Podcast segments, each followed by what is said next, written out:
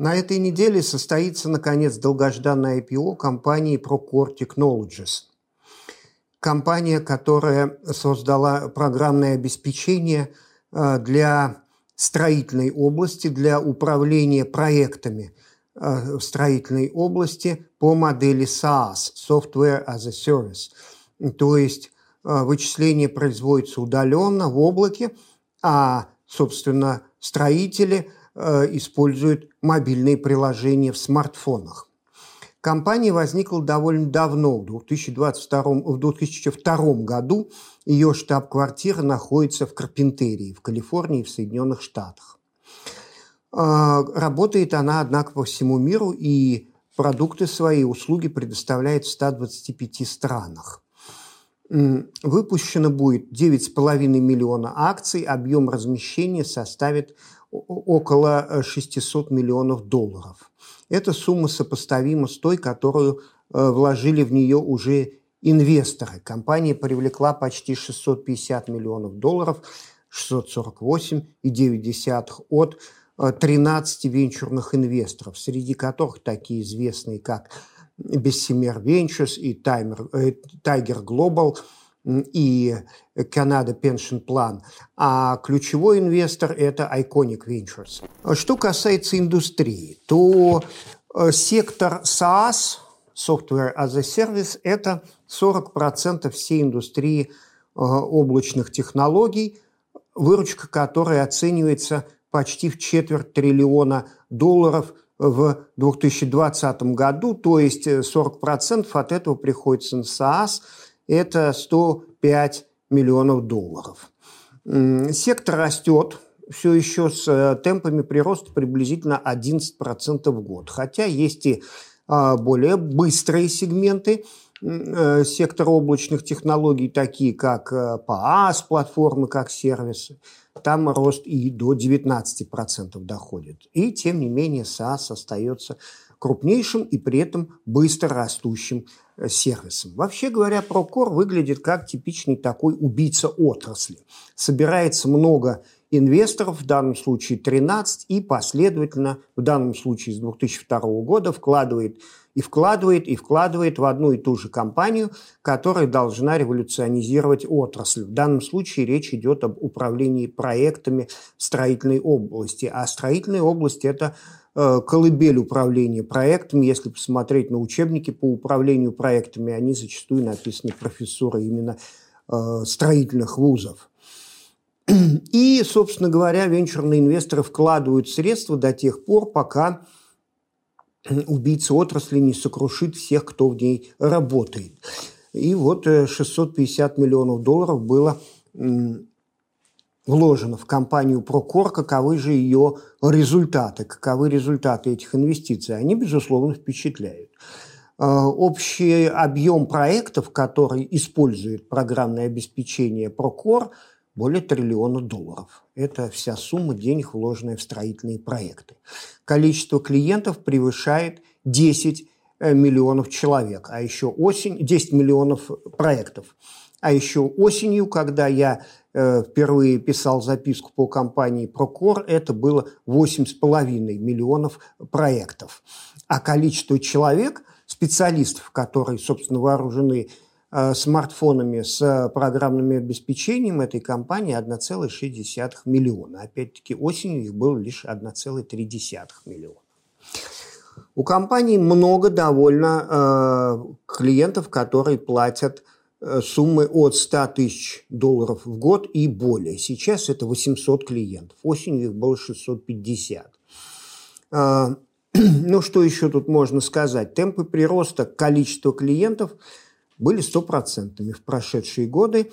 И э, вот если посмотреть на два последних года, сейчас 10,2 миллиона, а Э, в 2018 году был 6,1 миллиона. Но это э, виноват. Не 100%, конечно, темп прироста. Э, прирост в два раза за два года. Это где-то 60 с небольшим процентов. Теперь, благодаря всему этому, выручка компании Прокор как раз превысила 400 миллионов долларов по итогам 2020 года. А в первые три месяца 2021 года это было приблизительно 123 миллиона долларов. То есть выручка обещает вырасти где-то миллионов до 500 долларов в текущем году. Другие показатели. Стоимость продаж 72 миллиона. Исследования и разработки составляют 31% выручки. Они поддерживаются стабильными, растут вместе с выручкой. Затраты на маркетинг в этом году составили 47% выручки, а в прошлом э, были почти 60%. То есть компания, готовясь к IPO, сократила затраты на маркетинг. Сократила она затраты и на общие и коммерческие расходы, хотя не столь значительно. Они составляли 20%, теперь составляют 18%. Но, очевидно, подготовка к IPO компания старается выйти на более приемлемые операционные показатели, но тем не менее операционные убытки ее составили 58 э, миллионов долларов в 2020 году, меньше, чем в предыдущем 2019, когда они составляли 86 миллионов долларов. А чистые убытки 96 миллионов долларов, это приблизительно четверть всей выручки. Вот портрет убийцы отрасли, компании, в которую венчурные инвесторы вкладывают и вкладывают и вкладывают с целью занять большую долю рынка, привлечь вот все те проекты, которые в итоге строят что-то стоимостью в триллион долларов. Это дается ценой больших затрат и убытков компании. Эти убытки, конечно, составляют существенную часть рисков. Компания всю свою историю убыточна, а существует она с 2002 года. А, это, конечно, не единственный риск. Риск состоит и в собственно, зависимости от строительной отрасли. Строительная отрасль, в свою очередь, как мы видим, значительно зависит от э, внешних обстоятельств – от окружающей среды, и компания сама отвечает, что из-за эпидемии, из-за пандемии коронавируса темпы оказались не столь высокими, как она надеялась. Э, дальше. Мобильные технологии развиваются быстро, САС развивается быстро, и строительная область развивается. Э, грядет эра умных домов, умных городов, и, конечно, компания может поставить не на те технологии, могут э, приобрести популярность убийцы отрасли следующего поколения, которые убьют и ее. А компания, безусловно, зависит от партнеров по облачным сервисам, от провайдеров облачных услуг, на основе которых она SaaS-услуги предоставляет. Компания вынуждена блюсти свой бренд и свою репутацию. Она отмечает, что ущерб бренду сразу, сразу может сказаться на потере клиентов. Ну и, наконец, 69% голосов акционерного собрания находятся в руках все тех же акционеров, что и раньше. То есть э, стратегия компании по большому счету не изменится. И как она будет выходить из убытков, это большой интересный вопрос. Э, мы сказали, что около 9,5 миллионов акций разместит компания. Это типичная э, сегодня ситуация. Акции будут стоить от 60 до 65 долларов за штуку. Э, андеррайтеры, конечно, получают определенный небольшой э, опцион на 950 тысяч акций. И э, после IPO э, Free Float будет составлять около 8%. Крупнейшим акционером останется Iconic Ventures, у которой будет очень большая доля компании, 36,6% голосов. Следующий акционер Bessemer Ventures 13%, а основатель, глава и президент компании Крейг Кортманш будет обладателем 5,4% голосов. У него будет 7 миллионов акций.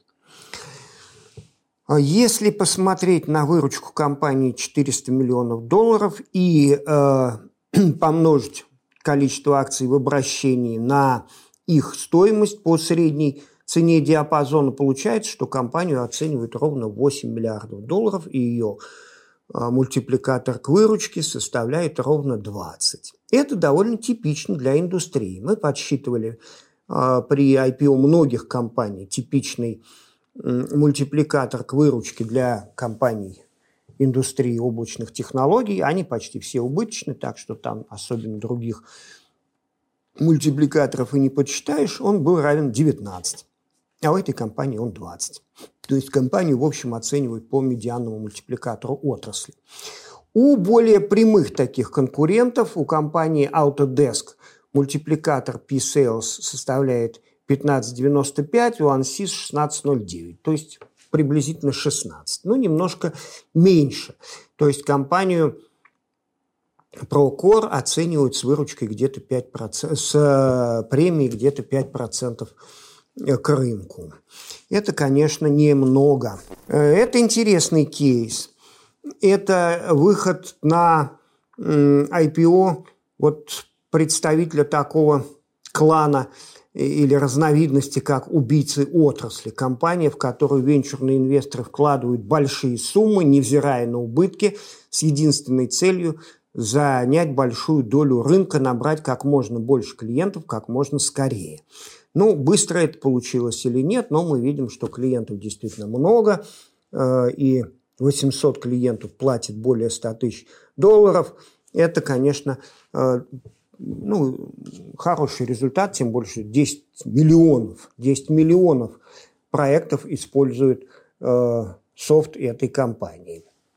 Но нельзя, конечно, закрывать глаза на те факты, что рынок IPO несколько охладевает. Если посмотреть на график, то через неделю вообще пока не видно, какие будут проходить IPO.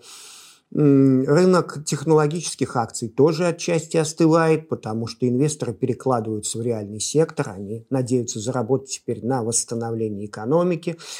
А, скандалы совершенно курьезные возникают, например, по поводу супружеской неверности самого Билла Гейтса, и пресса обсуждает, влияет ли это на акции технологических компаний, почему же они все-таки падают. То есть по многим по многим признакам, по крайней мере, бума на рынке технологических акций сейчас нет. Это не значит, что э, компания Procore не разместится хорошо, но мы оцениваем довольно скромно рост стоимости акций в первый день торгов где-то на 5%.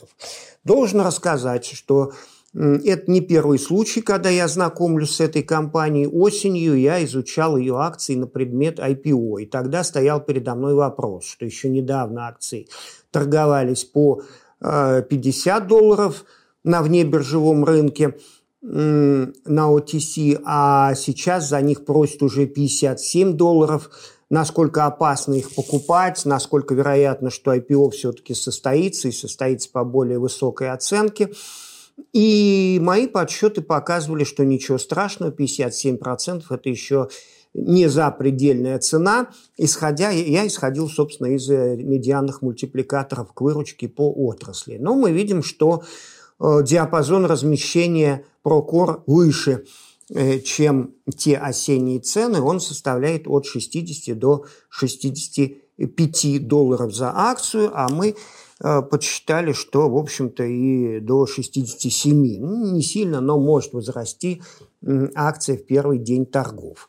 Дальше все будет зависеть, конечно, от ее финансовых показателей. Темпы э, прироста выручки компании высокие, но можно еще такой эмпирический показатель тут использовать. Вот э, известно, например, что есть такое правило большого пальца – если сумма темпов прироста выручки и э, прибыли какого-нибудь показателя прибыли компании больше 40%, то э, софтверная компания в порядке. Вот у Procore темп прироста выручки 38%. Э, Убытки, однако, если их мерить по чистым убыткам, то это где-то 25%. Ну, 38 минус 25 у нас остается 13%. Прям, скажем, не блестящий. То есть компания очень уж, очень уж убыточна. И убытки сокращаются не так быстро, э, как э, следовало бы их сокращать при данных э, темпах прироста выручки. Так что размещение, безусловно, является высокорисковым. момент для размещения, наверное, не самый благоприятный, поэтому наш прогноз по стоимости роста цены невысокий. Но, конечно, нельзя исключить, что рынок вдруг воспрянет и все свои последние силы, всю свою пассионарность вложит именно в Procore. Само размещение состоится в среду, 19 мая. Ждали его очень долго. Первый проспект эмиссии был размещен в феврале 2020 года, а торги на NYSE начнутся четверг, 20 мая.